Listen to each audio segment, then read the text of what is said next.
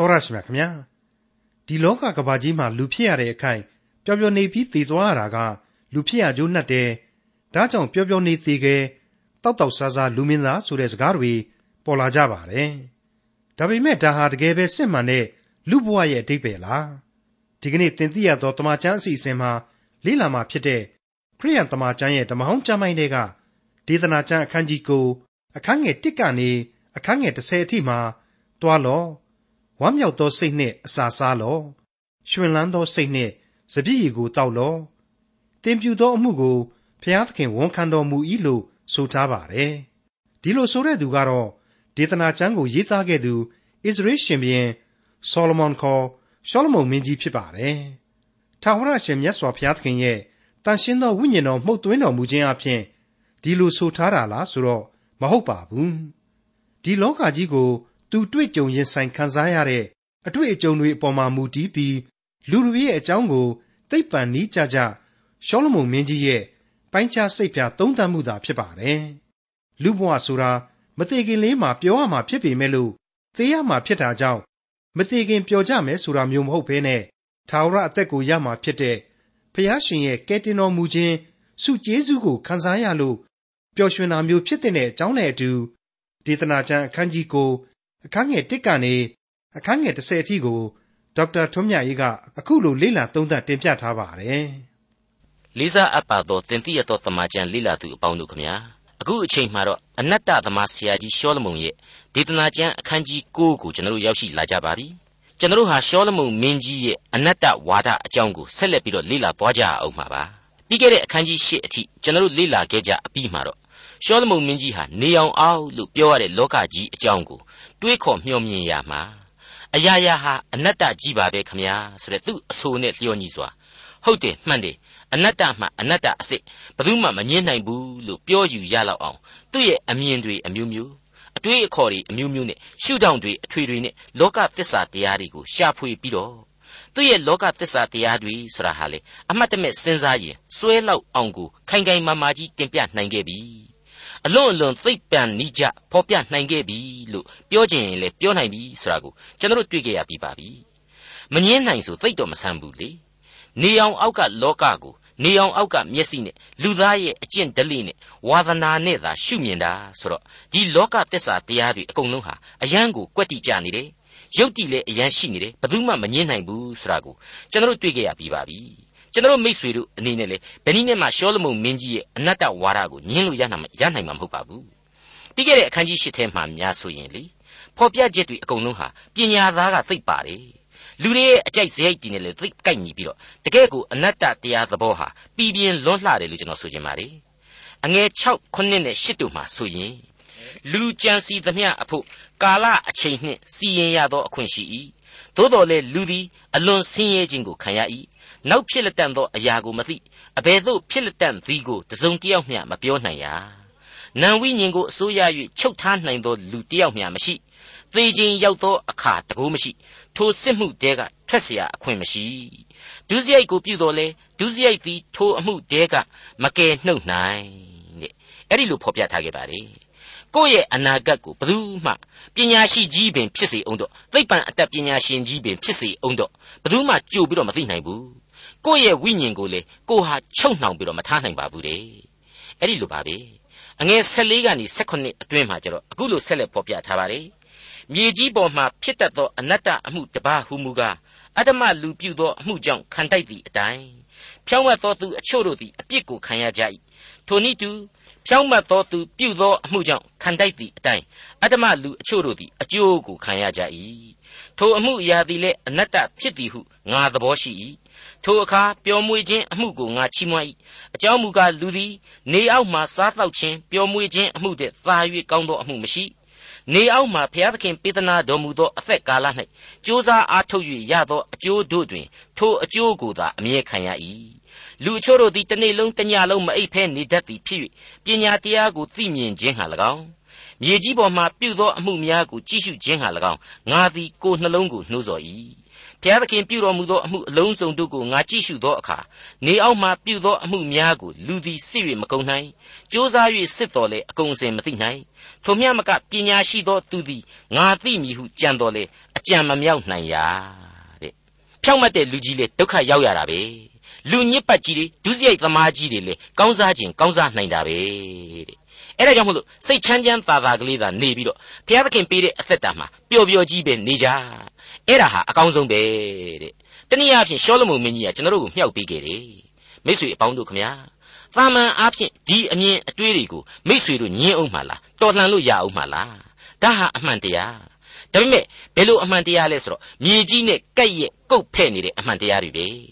အဲ့ဒီအနတ္တဝါဒမှာအခြေခံတဲ့ဒလိစရိုက်တွေထဲမှာလေကဘာမှာလူကြိုက်အများဆုံးပဲလို့ကျွန်တော်ထင်ပါတယ်မကြိုက်ခံနိုင်ယူလားပျော်ပျော်ကြီးနေတဲ့စိတ်ချမ်းသာတယ်လို့နေတဲ့ အဲ့ဒီတော့စိတ်ချမ်းသာတယ်လို့နေခြင်းတဲ့ကျွန်တော်တို့ပျော်ပျော်နေခြင်းတဲ့ကျွန်တော်တို့အဖို့ဘာများမကြိုက်เสียအကြောင်းရှိလေဒါပေမဲ့မိတ်ဆွေဘုရားသခင်ပေးထားတဲ့ကယ်တင်ရှင်ဂျေဇုတရားရဲ့ဂျေဇုနဲ့ဂယုနာတော်ရဲ့ဆိုတာတွေ့ကိုဒေသနာဆရာဟာထည့်သွင်းဖော်ပြမထားဘူးမိတ်ဆွေအပေါင်းတို့အဲ့ဒီဘုရားသခင်ရဲ့ကယ်တင်ရှင်ဂျေဇုတရားရဲ့ဂျေဇုနဲ့ဂယုနာတော်ရဲ့ဆိုတာကိုသာမေ့လိုက်မယ်ဆိုရင်တော့ အဲ့ဒီလမ်းကြောင်းကိုလိုက်ပြီးတော့အဲ့ဒီအတိုင်းရှင်ပျော်ပျော်လူသားအဖြစ်ကလွဲပြီးတော့ဘယ်နည်းနဲ့မှဝိညာဉ်လူသားတော့ဖြစ်မလာနိုင်ဘူးတိုးတက်မလာနိုင်ပါဘူးမိတ်ဆွေအပေါင်းတို့ခမညာဘာပဲပျော်ပျော်ဒေသနာကျမ်းရဲ့အနတ္တတရားဟာသိပ်ပန်နီးကြနေတယ်ဆိုတော့ကျွန်တော်မငင်းနိုင်ပါဘူးကျွန်တော်အရင်တစ်ခါပြောခဲ့တဲ့အတိုင်းပဲရန်ကုန်မြို့လေကညစည်းတန်းကြီးရဲ့နီယွန်မိချောင်းတွေအောက်ရင်မှာရုံပိတ်ညံ့နေစနေနေ့ညနေတိုင်းမှာရောက်လာတဲ့တပတ်တာတိတိမောပန်းနွမ်းနေနေတဲ့ဝန်တန်းတွေလာပြီးတော့အပန်းဖြေကြတာ ड़ी အရက်ကလေးသောက်ပြီးတော့အမောအပန်းဖြေကြတာပျော်ကြတာ ड़ी အဲ့ဒီအကြောင်းတွေကိုပြန်ပြီးတော့စဉ်းစားလိုက်မယ်ဆိုရင်မောလှပါတယ်ပန်းလှပါတယ်အခွင့်သာတဲ့အခိုက်ကလေးမှာကြုံကြိုက်တဲ့အခါလေးမှာစိတ်တိုင်းကြပျော်လိုက်ခြင်းတယ်ဒီမှာလဲကိုတို့ဘဝမှာဒါမှလဲကိုတို့ဘဝဟာသာယာချမ်းမြေပါလိမ့်မယ်လို့ယုံကြည်ကြပါတယ်ဆိုတဲ့သဘောတရားတဲ့ဘာမှပို့ပြီးတော့ထူးမခြားနာတာဖြစ်နေလိမ့်မယ်လို့ကျွန်တော်ခံယူမိပါတယ်မိတ်ဆွေ အဲ့ဒီမှာတင်ကျွန်တော်ဒေသနာကျမ်းဏိဒန်းမှာဆိုခဲ့တဲ့အတိုင်းပဲဒီကျမ်းဟာအခြားသောဘုရားသခင်သွန်သင်တဲ့ဗျာဒိတ်တော်တွေနဲ့ဆန့်ကျင်တဲ့အချက်တွေပါဝင်လာရတယ်ဘုရားသခင်ဆိုတာရှိရှိမရှိရှိမထူးပါဘူးကွာဆိုတဲ့ဒိဋ္ဌိနိဗ္ဗာန်အတွေ့အခေါ်တွေဖြစ်သမျှအကြောင်းအကောင်းတွေကြီးပဲဆိုတဲ့စီးလို့ဝါလို့ခံယူချက်တွေကိုတွန်းအားပေးလာတယ်လို့ကျွန်တော်ဆိုချင်ပါတယ် ဗောလနေတို့ဗောလတဲတို့ဆိုတဲ့ကဘာကျော်စာရေးဆရာကြီးတွေရဲ့စာပေပေါင်းများစွာတို့ကနေပြီးတော့ဘုရားသခင်ဆန့်ကျင်ရေးအယူအဆတွေဖော်ပြလိုက်တဲ့အခါတိုင်းမှာခုတုံးလောက်တာကိုခံရတဲ့ကြမ်းတွေဟာဒေသနာကြမ်းတွေဖြစ်လာတယ်ဆိုတာကိုကျွန်တော်အံ့ဩဖွယ်တွေ့လာရပါတယ်ဟုတ်ပါတယ်ဗောလနေတို့ဗောလတဲတို့ဆိုတာဟာနာမည်ကြီးလက်ဝဲဝါဒကိုတွန်းအားပေးခဲ့တဲ့စာရေးဆရာကြီးတွေပဲ ဒါအပြင်အနောက်တိုင်းကခရစ်ယာန်နိုင်ငံကြီးတွေမှာအဖြစ်သိများနေတဲ့အစွန်းရောက်ဂိုင်းကနတွေဆိုတာဟာလေသူတို့ရဲ့အမြင်တွေပြင်ပြချက်တွေအမြောက်အများကိုဒီဒေသနာကျမ်းကနေပြီးတော့သာလျှင်အမျက်ထုတ်ပြီးတော့ကိုးကားလာကြတယ်ဆိုတာကိုတွေ့ရပါတယ်မိတ်ဆွေအပေါင်းတို့ပညာရှိကြီးတယောက်ဖြစ်တယ်လို့လူမိုက်ကြီးအဆင့်အထိလဲနှိမ်ပါသွားရတယ်လို့ကျွန်တော်ဆိုခြင်းနဲ့ရှောလမုန်မင်းကြီးရဲ့ဒေသနာကျမ်းဟာဘုရားသခင်နဲ့ဝေးကွာလှမ်းနေတဲ့အပြစ်သမားကြီးရဲ့ဘဝအမြင်တွေသာဖြစ်တယ်လို့ကျွန်တော်ဟာဏိဒန်းပိုင်းမှာကလေးကဆွဆွဲခဲ့လေတော့ ဒီကျမ်းဟာနှုတ်ကပတ်တော်မှာဘာကြောင့်ပါဝင်နေရသလဲဆိုပြီးတော့မေးစရာရှိလာပါတယ်အခုလိုထပ်မံပြီးတော့ဒီကျမ်းကိုလူမိုက်တွေအကြိုက်တွေ့တဲ့ကျမ်းဆိုပြီးတော့ရောဘာကြောင့်ကျွန်တော်ကပြောရသလဲဘာကြောင့်ဒီလိုဖြစ်သွားရသလဲဆိုပြီးတော့မေးချင်ရင်လည်းမေးစရာဖြစ်လာနိုင်ပါတယ်အဖြေကတော့ရှင်းနေပါတယ်အသက်လမ်းကိုဥတီညွန်ပြနေသောဝိညာဉ်ရေးအသည့်တရားကိုတိုးပွားလာစေဖို့ရန်အတွက်ဘုရားသခင်ဟာဒီကျမ်းကိုကောင်းကြီးပေးပြီးတော့တမင်ထည့်သွင်းစေလိုက်ခြင်းပါပဲရှုပ်သွားပါသလားမိတ်ဆွေအပေါင်းတို့ ပင်လေရေပြင်အမှတ်ဆရာဟာဒီရေအနိမ့်နဲ့အမြင့်တို့ရဲ့အလယ်မှာသတ်မှတ်ချက်နဲ့ရှိနေပါတယ်ပင်လေတဲကတတ္တဝါတိရစ္ဆာန်ဒီအဖို့ကတော့နှိမ့်သည်ဖြစ်စီမြင့်သည်ဖြစ်စီသူတို့ကဘာဟာရေပြင်သာဖြစ်တယ်လို့ထင်ကြမှာပါပဲအဲ့ဒီတော့အနတ္တလူသားသာဖြစ်တဲ့ကျွန်တော်တို့အနေနဲ့အနတ္တလောကသာအမှန်တရားဖြစ်ပြီးတော့ကိုကိုကိုလည်းအနတ္တပဲဒီမြေမှာနေပြီးတော့ဒီမြေမှာပဲသေရမှာပဲမထူးပါဘူးလို့ခပ်ပေါ့ပေါ့သာခံယူရင်ဒေသနာကျမ်းဟာအနတ္တနဲ့အနတ္တကိုပဲသိစေလိမ့်မယ် ဒါပေမဲ့ငါဟာအနတ္တလူသားမဟုတ်ဘဲနဲ့အ내ကတန်ဖိုးရှိသောဝိညာဉ်လူသားဆိုပြီးတော့အစင်းမြင့်တ attva အဖြစ်ခံယူမယ်တွေးခေါ်မျှော်မြင်မယ်ဆိုရင်တော့တမျိုးဖြစ်သွားလိမ့်မယ်လို့ကျွန်တော်အခိုင်အမာဆိုချင်ပါတယ်ကျွန်တော်စောတော့ကပြောခဲ့တဲ့အတိုင်းသဘာဝအတားအဆီးဖြစ်တဲ့ရေပြင်းစံနှုံးရေမှတ်တဲ့အောက်မှာပဲကျွန်တော်တို့ကရှိကျင်သလားဘုရားသခင်တီရှိကောင်းကြီးပေးရကောင်းကင်ဘုံကိုမျှော်မှန်းသလားအဲ့ဒီပေါ်မှာသာလျှင်ကျွန်တော်ရဲ့ဘဝအသက်တာအမြင်တွေဟာမူတည်လိမ့်မယ်လို့ကျွန်တော်အခိုင်အမာတင်ပြခြင်းပါတယ် အဲ့ဒီလိုအနတ္တလူသားအဖြစ်ပဲခံယူကြကျင်တာတွေက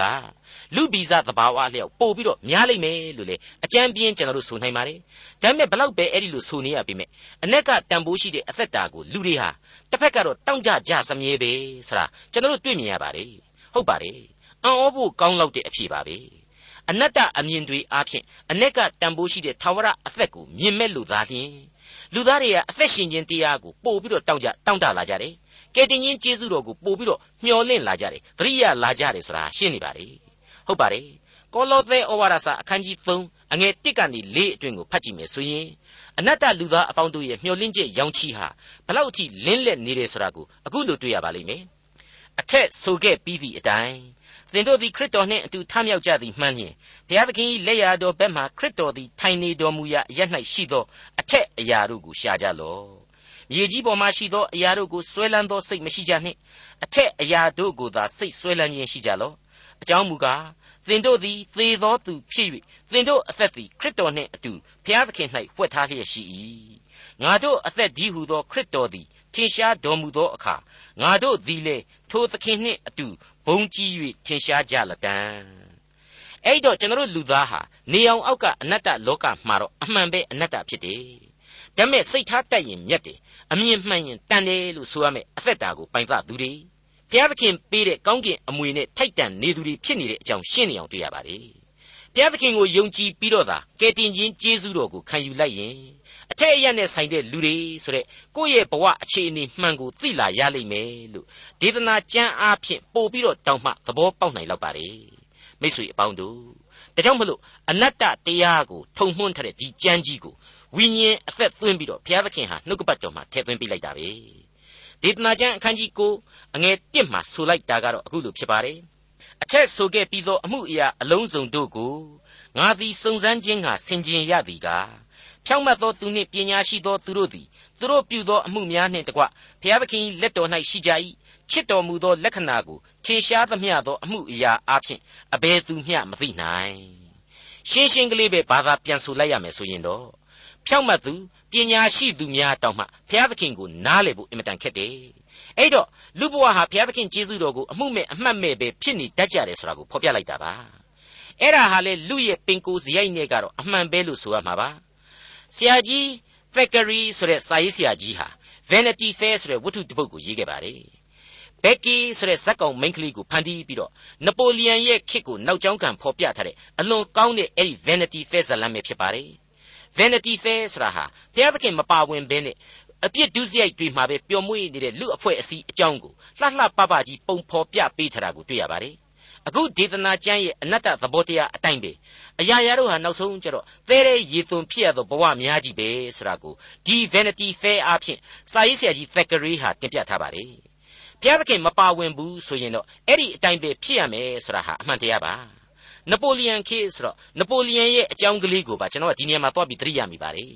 အရင်တခါလဲဒီအကြောင်းကိုကျွန်တော်ပြောခဲ့ပြီးပါပြီအဲ့ဒီနပိုလီယန်ဆိုတာဟာအဲ့ဒီယာစုခေအဖို့ကတော့တိုက်တိုင်းအောင်တဲ့ဗိုလ်ချုပ်ကြီးပဲအေကရစ်ဘရင်ကြီးပဲ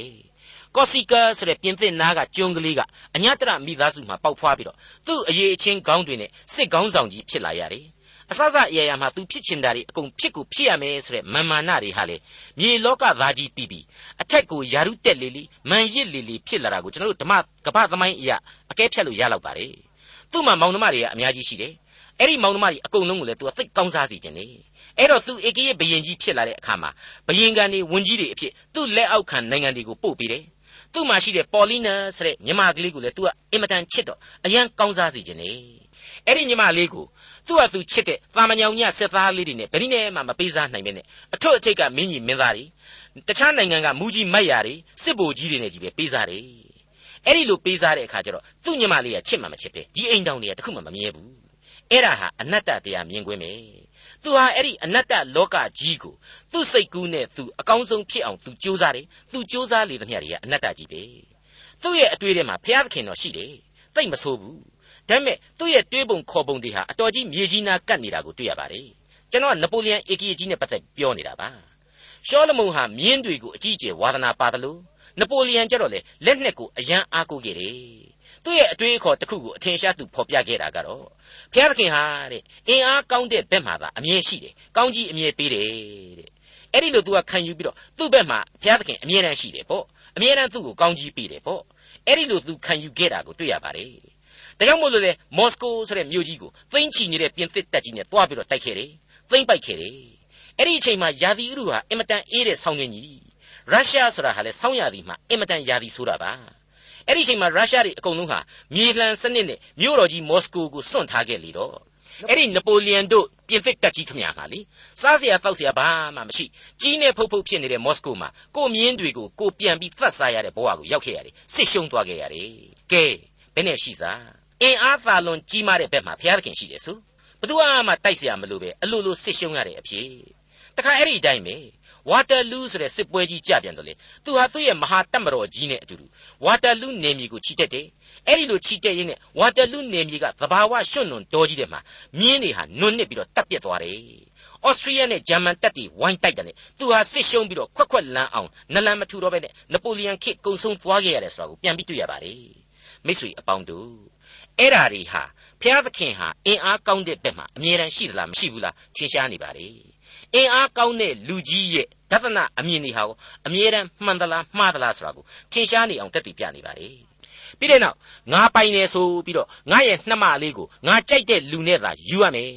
ငါပေးစားခြင်းနဲ့ယာရုကြီးတွေနဲ့ယူပြီးတော့ဒီညမလေးကကောင်းစားရမယ်ဆိုတဲ့အတွေ့အခေါ်ဒီပင်ဖြင့်မှန်ဤမမှန်ဤဆိုတာကိုလေသူ့ရဲ့ဘဝဟာထင်ရှားသက်သေပြနေခဲ့ပါပြီ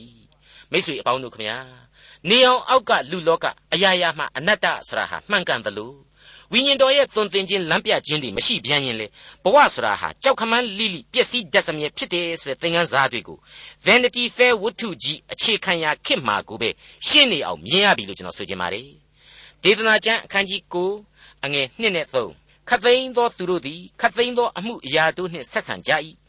တရားသောသူနှင့်မတရားသောသူကောင်းသောသူနှင့်မကောင်းသောသူ စင်ကြယ်သောသူနှင့်မစင်ကြယ်သောသူရစ်ပူဇော်သောသူနှင့်ရစ်မပူဇော်သောသူအပြစ်မရှိသောသူနှင့်အပြစ်ရှိသောသူကျိန်ဆိုသောသူနှင့်ကျိန်ဆိုခြင်းကိုကြောက်သောသူတို့သည်တခုတည်းသောအမှုနှင့်တွေ့ကြုံတတ်ကြ၏နေအောက်မှပြုသမျှသောအမှု၌ပါသောဝန်းနေစရာဟုမူကားခသိန်းသောသူတို့သည်တခုတည်းသောအမှုနှင့်တွေ့ကြုံရကြ၏အကယ်စင်စစ်လူသားတို့၏စိတ်နှလုံးသည်ဒုစရိုက်သဘောနှင့်ပြည့်၏အသက်ရှင်စဉ်အခါသူတို့သည် ယူသောစိတ်ကိုဆွဲလန်း၍နောက်တဖန်သေသွားတတ်ကြ၏တရားသောသူ မတရားသောသူ ကောင်းသောသူ မကောင်းသောသူအစသဖြင့်အကုန်လုံးသောလူသားတွေဟာတလန်းတည်းပဲသွားရစမြဲပဲတဲ့သူပြောမှလားဒီမြေကြီးပေါ်မှာဥဝဲဆိုပြီးတော့လူဖြစ်လာတယ်ဏီကုန်းကျတော့ဂရူးဆိုပြီးတော့အသက်ရှူတန်ကြီးပြင်းပြင်းပေးရင်းနဲ့အသက်ထွက်သွားကြရတာကြီးပါပဲ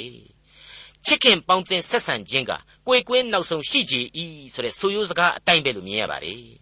ပြုသည်များသောအမှု၌ပါသောစိတ်မချမ်းသာစရာကိစ္စကတော့တခုတည်းသောအမှုနှင့်တွေ့ကြုံရခြင်းတဲ့တည့်ရသေးမဆန်လွန်ဘူးလားလို့ဒီအပိုင်းကိုကျွန်တော်အကဲဖြတ်ပါတယ်အဲ့ဒါဟာနေအောင်အောက်ကအတွေ့ပဲဒါကြောင့်မို့လို့လေတည့်ရသေးဆန်ကိုဆန်ရလိမ့်မယ်ကျွန်တော်ကဒီအပိုင်းမှာ communism နဲ့ socialism လို့ခေါ်တဲ့ဝါဒီတွေရဲ့အတွေ့အခေါ်တွေကိုဖြစ်ပေါ်စေခဲ့သောအရင်းမဲ့ကြံတနည်းအားဖြင့် das capitalism လို့ခေါ်တဲ့ခေါင်းပုံဖြတ်ငွေကြေးစနစ်ကြီးတွေအကြောင်းကိုပြန်ပြီးတော့စဉ်းစားမိပါတယ် မိษွေတို့အထက်မှာလေအဲ့ဒီလိုသိပ္ပံနိကြအတွေ့အခေါ်ကြီးတွေကိုဖတ်မိတဲ့လူတွေနှစ်သက်ခဲ့ဘူးသူတွေအမြောက်အများရှိမှာပဲလို့ကျွန်တော်တွေးပါတယ်ကျွန်တော်မိษွေတို့ကိုမေးကြင်ပါတယ်အဲ့ဒီအတွေ့အခေါ်ကြီးတွေစာအုပ်ကြီးတွေထဲမှာဘုရားသခင်ရဲ့အလိုတော်ဆရာဟာပါဝင်သလားမြန်မာတို့အနေနဲ့လွယ်လွယ်ကလေးနားလေထားတဲ့ကုသိုလ်ကံဆိုတာကိုပါဝင်ပါသလားမပါဘူးမပါတာမပါတာဖြစ်ပြက်ပြုပြင်မှုဆိုတာကိုကြပြန်တော့လေလက်ခံကြပြန်တယ် တကယ်တော့ဘုရားသခင်အကြောင်းဝိညာဉ်တော်ရဲ့အကြောင်းတွေကိုသာစိတ်စိတ်ထည့်ပြီးတော့စဉ်းစားလိုက်မယ်ဆိုရင်တော့အဲ့ဒီဖြစ်ပြက်ပြုပြင်ဆိုတဲ့စာလုံးကလေးလေးလုံးကိုပြည့်အောင်မရေးနိုင်ခင်မှတင်ကိုဟာလေးဖြတ်နိုင်တယ်အုံနောက်သွေးကြောပြတ်ပြီးတော့သိနိုင်တယ်ဆိုတဲ့အလွန်အလွန်ကြောက်စရာကောင်းတဲ့လောကသစ္စာတရားကြီးကိုတွေးမိဖို့လိုတယ်လို့ကျွန်တော်ဆိုချင်ပါတယ်ဒီနေရာမှာ136ခုမြောက်သောစာလံကိုပြန်ပြီးတော့သတိရမယ်ဆိုရင် ကိုဟာကိုကိုကိုသိတာတဲ့ဘုရားသခင်ဟာကို့အကြောင်းကိုပို့ပြီးသိနေတယ်ဆိုတာကိုပြန်ပြီးတွေးဆဖို့လိုပါတယ်ဘဝအမြင်တွေကိုပြင်သင့်လှတယ်လို့ကျွန်တော်တွေးမိပါတယ်ဝိညာဉ်တော်နှင့်လွတ်ခြင်းအလုံးငှာအဘယ်အရက်သို့သွားနိုင်ပါမည်နည်း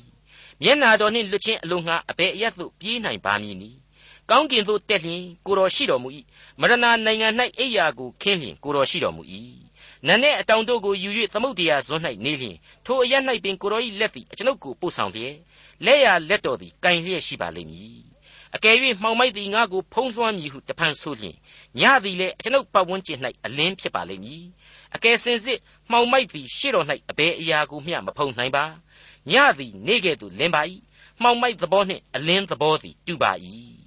ကိုတော်သည်အကျွန်ုပ်၏ကြောက်ကပ်ကိုပင်ဖန်ဆင်း၍အမိဝန်းထဲမှအကျွန်ုပ်ကိုဖုံးအုပ်တော်မူပြီးအကျွန်ုပ်သည်ကြောက်မဲ့ဖွယ်သောလက္ခဏာ ထူးဆန်းသောလက္ခဏာတို့နှင့်ပြည့်စုံသည်ဖြစ်၍ကိုတော်ကိုချီးမွမ်းပါမည်ပြုပြင်တော်မူသောအမှုတို့သည်အံ့ဩပွေဖြစ်ကြောင်းကိုအကျွန်ုပ်၏စိတ်ဝိညာဉ်သည်အမှန်သိပါ၏မထင်ရှားသောအရ၌အကျွန်ုပ်ကိုဖန်ဆင်း၍မြေကြီးအောက်အရ၌စိတ်ဆက်စွာပြုပြင်တော်မူသောအခါအကျွန်ုပ်၏ကိုယ်ခန္ဓာသည်ရှေ့တော်၌ထင်ရှားလျက်ရှိပါ၏အံ့ဩမကောင်းဘူးလားမိတ်ဆွေအပေါင်းတို့ဝိညာဉ်တော်နှင့်လွတ်ချင်းအလို့ငှာကျွန်တော်ဘယ်အရက်ကိုမှပြေးလို့မရပါဘူး အဲ့ဒီအကြောင်းကိုလည်းတွေးလိုက်ရောကို့ဘဝမှာဘုရားသခင်မှတပါအခြားအားကိုခိုးလှုံစရာဆိုတာဟာဘာမှမရှိဘုရားသခင်နဲ့အတူဘဝကိုရှင်သန်ဖို့အဓိကကြတယ်ရှင်သန်ဖို့လိုတယ်ဘုရားသခင်ကိုကြောက်ရွံ့ခြင်းသဘောတည်အသက်ရှင်ခြင်းအကြောင်းဖြစ်၏ဆိုတဲ့တရားတွေကိုတွေ့မြင်ခံစားဖို့လိုလာတယ်ကိုဟာဒီနေအောင်အောက်မှာကြည့်မြေစိတ်ဓာတ်တစ်ခုတည်းနဲ့ရှင်သန်လို့နေမယ်ဆိုရင်တော့အနတ္တတတ္တဝါသာဖြစ်လိမ့်မယ် ကိုဟာအ ਨੇ ကတန်ဖိုးရှိတဲ့ဝိညာဏလူသားဖြစ်တယ်ဆိုရင်ဒီအနတ္တတတ္တဝါဝိယုံတွေကိုခွာချပြီးတော့အသက်ရှင်တော်မူသောအဖဖခင်သခင်ရဲ့မေတ္တာအရေးမှခိုလှုံရလိမ့်မယ်ဆိုတာဒီကိုပြန်ပြီးတော့အဖြေရဖို့လိုတယ်လို့ကျွန်တော်ဆိုချင်ပါတယ်မိတ်ဆွေတော်တတ်ရှင်အပေါင်းတို့ခမညာအကယ်စင်စစ်လူသားတို့၏စိတ်နှလုံးသဘောထားတွေဟာဒုစရိုက်သဘောနဲ့ပြည့်နေတယ် အသက်ရှင်စဉ်အချိန်အတွင်းမှာယူသောစိတ်ကိုဆွဲလန်းပြီးမှနောက်ဆုံးမှသေသွားကြရရှာတယ်ဆိုပြီးတော့ရှောလမုန်မင်းကြီးဟာဆက်လက်ဆိုဖွဲ့လိုက်ပါတယ်မိတ်ဆွေအပေါင်းတို့ရှောလမုန်မင်းကြီးရဲ့နေအောင်အောက်ကအနတ္တအမြင်များဟာဘယ်ဘက်ကများကောင်းတာရှိသေးတယ်လေလူတိုင်းလူတိုင်းဘသူမှကြက်မပြည့်ဘူးဝဲဦးတစ်ခုမဟုတ်တစ်ခုတော့ချောင်စမြဲပဲဖြစ်တာဆိုတာကိုကဘာဦးကျမ်းမှာကလေးကအထက်ထက်ကျွန်တော်ပြောခဲ့ပါတယ်အဲ့ဒါကိုပဲအသေးစိတ်ပြန်ပြီးတော့ထုံမှန်းတာနဲ့အတူတူလိုဖြစ်နေပြီ လူသမိုင်းဟာအပြစ်နဲ့စစ်တို့ဤသမိုင်းပဲဖြစ်တယ်ဆိုတာကိုလေကျွန်တော်သမုတ်ခဲ့ဘူးပါတယ်အဲ့ဒါတွေကိုသိပြီးတော့မခံနိုင်တဲ့မိတ်ဆွေ2ယောက်3ယောက်လောက်ကနေပြီးတော့ကျွန်တော်စီကိုလာပြီးတော့ဒီလောက်ကြီးတော့လည်းမဟုတ်ပါဘူးကွာဆိုတဲ့သဘောမျိုးညင်းတာခုံတာကိုလည်းကျွန်တော်ခံခဲ့ရဘူးပါပြီကျွန်တော်ကတော့နှုတ်ကပတ်တော်ရဲ့အလိုနဲ့ဘုရားသခင်ရဲ့ရှေ့တော်မှောက်ကိုတိုးဝင်လိုသူတိုင်းခံယူအပ်တဲ့ကိုဟာကြက်မပြည့်တဲ့လူအပြစ်သမိုင်းနဲ့စစ်သမိုင်းမှသာမွေးဖွားလာရတဲ့အပြစ်လူသားဆိုတဲ့ခံယူချက်ကိုတစ်ချက်မှအလျှော့မပေးနိုင်ပါဘူးအဲ့ဒီလိုပါပဲ တကယ်ချင်းတို့ကမဟုတ်ဘူးလို့ထင်ရင်လည်းမတတ်နိုင်ဘူးကွာကို့အဘိဓမ္မာနဲ့ကိုမတွေးပဲနဲ့လက်တွေ့လောကလူပုံကြီးကိုပဲပြန်လှည့်ကြည့်ကြပါအဖြေရလာပါလိမ့်မယ်အဲ့ဒီလိုကိုကပြောတာကိုလက်ခံပြီးတော့အဲ့ဒီကြက်မပြည့်တဲ့ဒုစရိုက်ကနေပြီးတော့ဖြောက်မှတ်ခြင်းအခွင့်နဲ့အပြစ်လွတ်ခြင်းအပြစ်သမိုင်းစစ်သမိုင်းကနေရုန်းကန်လွတ်မြောက်ခြင်းလမ်းဖြစ်တဲ့လူသားတို့အတွက်ဘုရားသခင်ပေးသနာတော်မူသောကောင်းကျင်အမွေကဲတင်ချင်းကျေးဇူးဆိုတာတွေ့ကိုတောင့်တတယ်ဆိုရင်တော့ ဘုရားသခင်ပေးသနာတဲ့စုကျေးဇူးတော်ဆိုတာဟာရှိနေလေရဲ့ဘုရားသခင်ရဲ့ကျေးဇူးဂရုနာတော်ဆိုတာဟာတငယ်ချင်းတို့ကိုတို့အတွက်ထင်ရှားပြတ်သားစွာတည်နေလေရဲ့ဆိုပြီးတော့အဖြေပေးမိပါတယ်ဟုတ်ပါတယ်အမင်္ဂလာမှမင်္ဂလာဖြစ်စေတယ်ဆိုတဲ့အချက်ဟာလူသားတို့မှာတည်ရှိနေသေးတာကိုလေကျွန်တော်ဥပက္ခမပြုတ်နိုင်တာကိုသိဖို့လိုနေပြန်ပါတယ်အခုဒီအပိုင်းကရှောလမုန်မင်းကြီးရဲ့နေအောင်အောက်ကအနတ္တလူသားတို့အဖို့ကတော့ သူပြောတဲ့အတိုင်းညင်းကိုမညင်းနိုင်အောင်လို့အနတ္တတရားဟာဖုံးလွှမ်းနေတယ်လို့ကျွန်တော်ဆိုချင်ပါတယ်ဒေသနာကျမ်းအခန်းကြီး9အငယ်3ကိုပြန်ပြီးတော့နားဆင်ကြည့်ကြပါနေအောက်မှာပြည့်သမျှသောအမှု၌ပါသောဝန်းနေစရာဟုမူကားခတ်သိမ်းသောသူတို့သည်တခုတည်းသောအမှုနှင့်တွေ့ကြုံရကြ၏အကယ်စင်စစ်လူသားတို့၏စိတ်နှလုံးသည်ဒုစရိုက်သဘောနှင့်ပြည့်၏အသက်ရှင်စဉ်အခါသူတို့သည်ယူသောစိတ်ကိုဆွဲလန်း၍နောက်တဖန်သေသွားတတ်ကြ၏မိတ်ဆွေအပေါင်းတို့ခမညာ ကျွန်တော်မိတ်ဆွေတို့ရဲ့ဘဝအသီးအသီးတို့ဟာဘုရားသခင်မှုတ်သွင်းတော်မူသောဝိညာဏဘဝရဲ့အနတ္တမျှသာဖြစ်တဲ့ဇာတိကိုခန္ဓာရဲ့ပေါင်းစည်းပြီးနေရတဲ့ဘဝပါဒီတော့ဝိညာဉ်ရေးဘဝကိုအနတ္တလူသားဟာသိနာလည်မယ်ဆိုရင်တန်ဖိုးထားနိုင်မယ်လို့ဆိုရင်ကျွန်တော်ပြောခဲ့တဲ့အနတ္တဘဝမှသည်အ내ကဘဝစီတို့လူတိုင်းရောက်ရမှာဧကံမလွယ်ဖြစ်ပါတယ် တက်လှမ်းကျင်ကြမှာလေမလွယ်ဧကံဖြစ်ပါတယ်တက်လှမ်းနိုင်ဖို့ရန်လေဘုရားသခင်ဟာအစဉ်တစိုက်ကျေးဇူးပြုလျက်ရှိနေတာဧကံအမှန်ပါပဲဒေသနာကျမ်းအခန်းကြီးကိုအငယ်၄မှ6အသက်ရှင်သောလူစုအပေါင်းနှင့်ဆိုင်သေးသောသူသည်မျော်လင့်เสียရှိ၏အသက်ရှင်သောခွေးသည်သေသောခြင်သေးတဲ့သာ၍ကောင်းမြတ်၏အသက်ရှင်သောသူသည်မိမိသေရမည်ကိုသိ၏သေသောသူမူကားအဘယ်အရာကိုမျှမသိအကျိုးအပြစ်ကိုလည်းမခံရ သူကိုလည်းမေ့လျော့တတ်ကြ၏သူ၏ချစ်ချင်းမုန်းခြင်းညူစုခြင်းလည်းပျောက်ပြက်၏နေအောက်မှပြုသမျှသောအမှု၌သူတပားနှင့်ရောနှော၍မဆိုင်ရ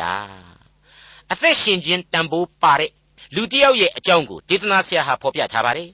ဒါပေမဲ့အဲ့ဒီအသက်ရှင်ခြင်းဟာလောကမှာအသက်ရှင်ခြင်းရဲ့တန်ဖိုးကိုသာဒေသနာဆရာဟာဥတည်ထားပါတယ်လောကသဘာဝနဲ့အမြင်နဲ့သာကြည့်လောကသဘာဝအမြင်နဲ့သာကြည့်အင်မတန်မှန်တယ်လို့ကျွန်တော်ဆိုချင်ပါတယ် အသက်ကိုညံဆောင်တယ်ဆိုပြီးတော့အရက်တွေမတော့ကြနဲ့ဘိန်းမရှူကြနဲ့ဆိတ်လိတ်မတော့ကြနဲ့ကိုမစားကြနဲ့ဆိုပြီးတော့ပြောဆိုဆုံးမကြတာတွေကိုကျွန်တော်တို့ကြားရဘူးပါတယ်ကျမ်းမာရေးအတွက်လူတိုင်းဟာကိုယ့်ပြဿနာနဲ့ကိုယ်ကိုယ့်ယောဂာနဲ့ကိုယ်မသေးခြင်းတဲ့အလျောက်အစဉ်တစိုက်ဂရုစိုက်ပြီးကုသနေကြပါတယ်အ ਨੇ ဆုံးတောသူတောင်သားပင်ဖြစ်စီဓာတ်စာကိုစားကြတယ်ဆေးဘက်ဝင်မြမအသီးအနှံလေးတွေကိုရွေးပြီးစားကြတာပါပဲမြို့ပေါ်မှာရှိတဲ့ပိုက်ဆံတတ်နိုင်သူတွေကတော့ဆေးရုံကြီးတွေအထူးကုဆေးကန်ကြီးတွေကိုမပြတ်တမ်းသွားပြီးတော့ကုသကြတယ် ပိုက်ဆံတွေကိုတောက်တောက်လဲအကုန်ခံပြီးတော့ကိုယ့်အသက်ကိုကိုယ်မွေးကြတယ်ဆိုတာတွေ့ရပါတယ်ရန်ကုန်မြို့မှာဆိုရင်ဆေးရုံတွေပြင်ပဆေးကုကန်းတွေဟာကြိတ်ကြိတ်တိုးစီကားနေတာကိုကျွန်တော်တို့တွေ့နိုင်ပါတယ်အဲ့ဒါဟာအသက်ရှင်သောလူစုအပေါင်းနှင့်ဆိုင်သေးသောသူသည်မျော်လင့်စရာရှိ၏ဆိုတဲ့အချက်ကြောင့်လူသားတို့အဖို့လောကမှာသာဆက်လက်မိတွယ်ပြီးတော့နေကြကြတယ်တတ်နိုင်ရင်မသေးခြင်းကြဘူးဆိုတဲ့အတိတ်ပဲကိုဖော်ပြနေတာပါပဲသေသောသူဆိုတာကတော့မြေကြီးအောက်မှာရောက်သွားပြီ ပျော်ခြင်းလို့လည်းမရတော့ဘူးစကားလည်းမပြောနိုင်တော့ဘူးတွေးလို့လည်းမရတော့ဘူးချစ်ချင်းမုန်းချင်းညူစုချင်းတို့လည်းအကုန်လုံးပျောက်သွားပြီမှုဘာမှမတတ်နိုင်တော့ပါဘူးတဲ့တသက်ချာတွေးကြည့်တော့လေဟုတ်တာပါပဲအပုတ်ကောင်ရဲ့ရုပ်ကိုဆောင်းထားတဲ့လူဟာခွေးတကောင်ကြောင်တမီငားတကောင်သေတာနဲ့သေပြီဆိုတဲ့နောက်မှာတော့သေခြင်းတရားအရာသဘောချင်းအတူတူကြီးပဲရိုးပြမြေခကြွေကြရစမြဲပဲဆိုတဲ့အခြေခံသဘောတရားကိုမြင်နိုင်ပါ रे အဲ့ဒါကြောင့်မို့လဲအနတ္တလူသားရဲ့အနတ္တနီးနဲ့ဖြတ်ပေါက်တစ်ခုကိုဒေသနာဆရာဟာအခုလိုဆက်လက်ဖော်ပြပေးလိုက်ပါတယ်သွားလောဝမ်းမြောက်သောစိတ်နှင့်အစာစားလော့ရှင်လန်းသောစိတ်နှင့်စပြည့်ရည်ကိုတောက်လော့သင်ပြုသောအမှုတို့ကိုဘုရားသခင်ဝန်ခံတော်မူ၏သင်အဝတ်လဲအစဉ်ဖြူစင်ပါလေစေသင်ကောင်းသည်လဲနန့်သာစီမခမ်းမချောက်ပါစေနှင့်နေအောက်မှပေးသနာတော်မူသောအနတ္တအသက်ကာလပတ်လုံးသင်ချစ်သောမယားနှင့်ရှင်လန်းစွာအသက်ကာလကိုလွန်စေလော့ဤ၍က အသက်ရှင်၍နေအောက်မှကြိုးစားအားထုတ်ရ၌သင်ခံရသောအကျိုးပေသည်ဆောင်ရွက်เสียအမှုရှိသမျှကိုကြိုးစားအားထုတ်၍ဆောင်ရွက်လော့အကြောင်းမူကားသင်ယခုသွား၍ရောက်ရလက်တန့်သောအယတ်ဒီဟုသောမရဏနိုင်ငံ၌လှုပ်ဆောင်ခြင်းမရှိကြံစီခြင်းမရှိသိပ္ပံအတတ်မရှိပညာမရှိပါတကားဂိုင်းစောစောပိုင်းတုန်းကနားဆင်ခဲ့ရတဲ့ကြမ်းတွေတုန်းကအတိုင်းပဲ ပျော်ပျော်နေသေးခဲ့မို့လို့မသေးခင်ကလေးမှဗိုက်ရိုက်ပြီးစားအရက်ကလေးပါလေးလဲအတန်အသင့်တောက်ပြီးတော့စိတ်ချမ်းချမ်းသာသာနေတဲ့အမေမိမယူဖို့နဲ့ချစ်ဖို့ရဲ့ပျော်ပျော်ကြီးမိမနဲ့နေဖို့ဆိုတာကြောင့်မှပါလိုက်သေးတယ်မိတ်ဆွေအပေါင်းတို့အဲ့တော့ဒီဒေသနာဟာလင်္ကာတို့လည်းဖြစ်တဲ့အတွက်ကြောင့်အလွန်လူကြိုက်များเสียကောင်းတယ်လှပတဲ့အဆိုအဖွဲတွေဖြစ်တယ်အဲ့ဒီခေတ်ကာလဒုံကသာစာပေဆိုင်ရာနိုဘယ်ဆုရှိမယ်ဆိုရင်တော့ရှောလမုန်မင်းကြီးတန်းပြီးတော့နိုဘယ်ဆုကြီးရမှာပဲလို့ကျွန်တော်တွေးပါတယ် ဒါပေမဲ့သူ့ကိုရှင်ကြည့်ဖို့ကတော့ရှင်ပေါလုရဲ့ကောရိန္သုဩဝါဒစာဒုတိယစာဆောင်အခန်းကြီး9အတွင်းကအစပိုင်းဖော်ပြချက်တွေဖြစ်ပါတယ်။ယာယီတဲဖြစ်သောငါတို့မြေအိမ်သည်ပြက်လျင်ကောင်းကင်ဘုံ၌လူလက်ဖြင့်မလုပ်ဘဲဘုရားသခင်ဖန်ဆင်းတော်မူသောနေဆထာဝရအိမ်ရှိကြောင်းကိုငါတို့သိကြ၏။ငါတို့သည်မြေအိမ်၌ရှိစဉ်တွင်ကောင်းကင်အိမ်တဲသို့ဝင်စားခြင်းဟာအလွန်တောင့်တလိုချင်သောစိတ်ရှိ၍ညီးတွားမြည်တမ်းလျက်နေကြ၏။ထို့သောဝင်စားလျင် နေရမဲ့ဖြစ်မည်မဟုတ်ဤတဲ၌နေသောငါတို့သည်လေးသောဝန်ကိုထမ်း၍ညီးတွားမြည်တမ်းကြ၏နေရာတဲကထွက်ချင်သောကြောင့်ညီးတွားသည်မဟုတ်သေတတ်သောအရာကိုအသက်ရှင်ခြင်း၌ဆုံးရှုံးစေခြင်းဟာမြဲသောနေရာတဲသို့ဝင်စားခြင်းသောကြောင့်ညီးတွားကြ၏မိတ်ဆွေအပေါင်းတို့ရှောလမုန်မင်းကြီးဒေသနာကျမ်းကဖော်ပြတဲ့အတိုင်းလူဘဝဟာပျော်ကိုပျော်ပျော်ရွှင်ရွှင်နေရမှာဖြစ်ပါတယ်ဒါပေမဲ့သေရမှာမို့လို့ပျော်ရွှင်ခြင်းမဟုတ်ဘူး ထာဝရအသက်ကိုဆက်လက်ရှင်သန်ရအောင်မဲ့အတွက်ကြောင့်ဘုရားသခင်ရဲ့ကယ်တင်ခြင်းကျေးဇူးတော်ကိုခံစားရတဲ့အတွက်ကြောင့်ပျော်ရွှင်ရခြင်းပဲဖြစ်တဲ့အကြောင်းလေးစားစွာတင်ပြလိုက်ပါရစေဒေါက်တာထွန်းမြတ်ရေးစီစဉ်တင်ဆက်တဲ့တင်ပြရတော်တမချန်းအစီအစဉ်ဖြစ်ပါတယ်နောက်တစ်ချိန်အစီအစဉ်မှာခရိယန်တမချန်းရဲ့ဓမ္မောင်းကျမ်းပိုင်းတွေကဒေသနာကျမ်းအခန်းကြီးကိုအခန်းငယ်7ကနေအခန်းငယ်18အထိကိုလေ့လာမှာဖြစ်တဲ့အတွက်စောင့်မျှော်နားဆင်နိုင်ပါတယ်။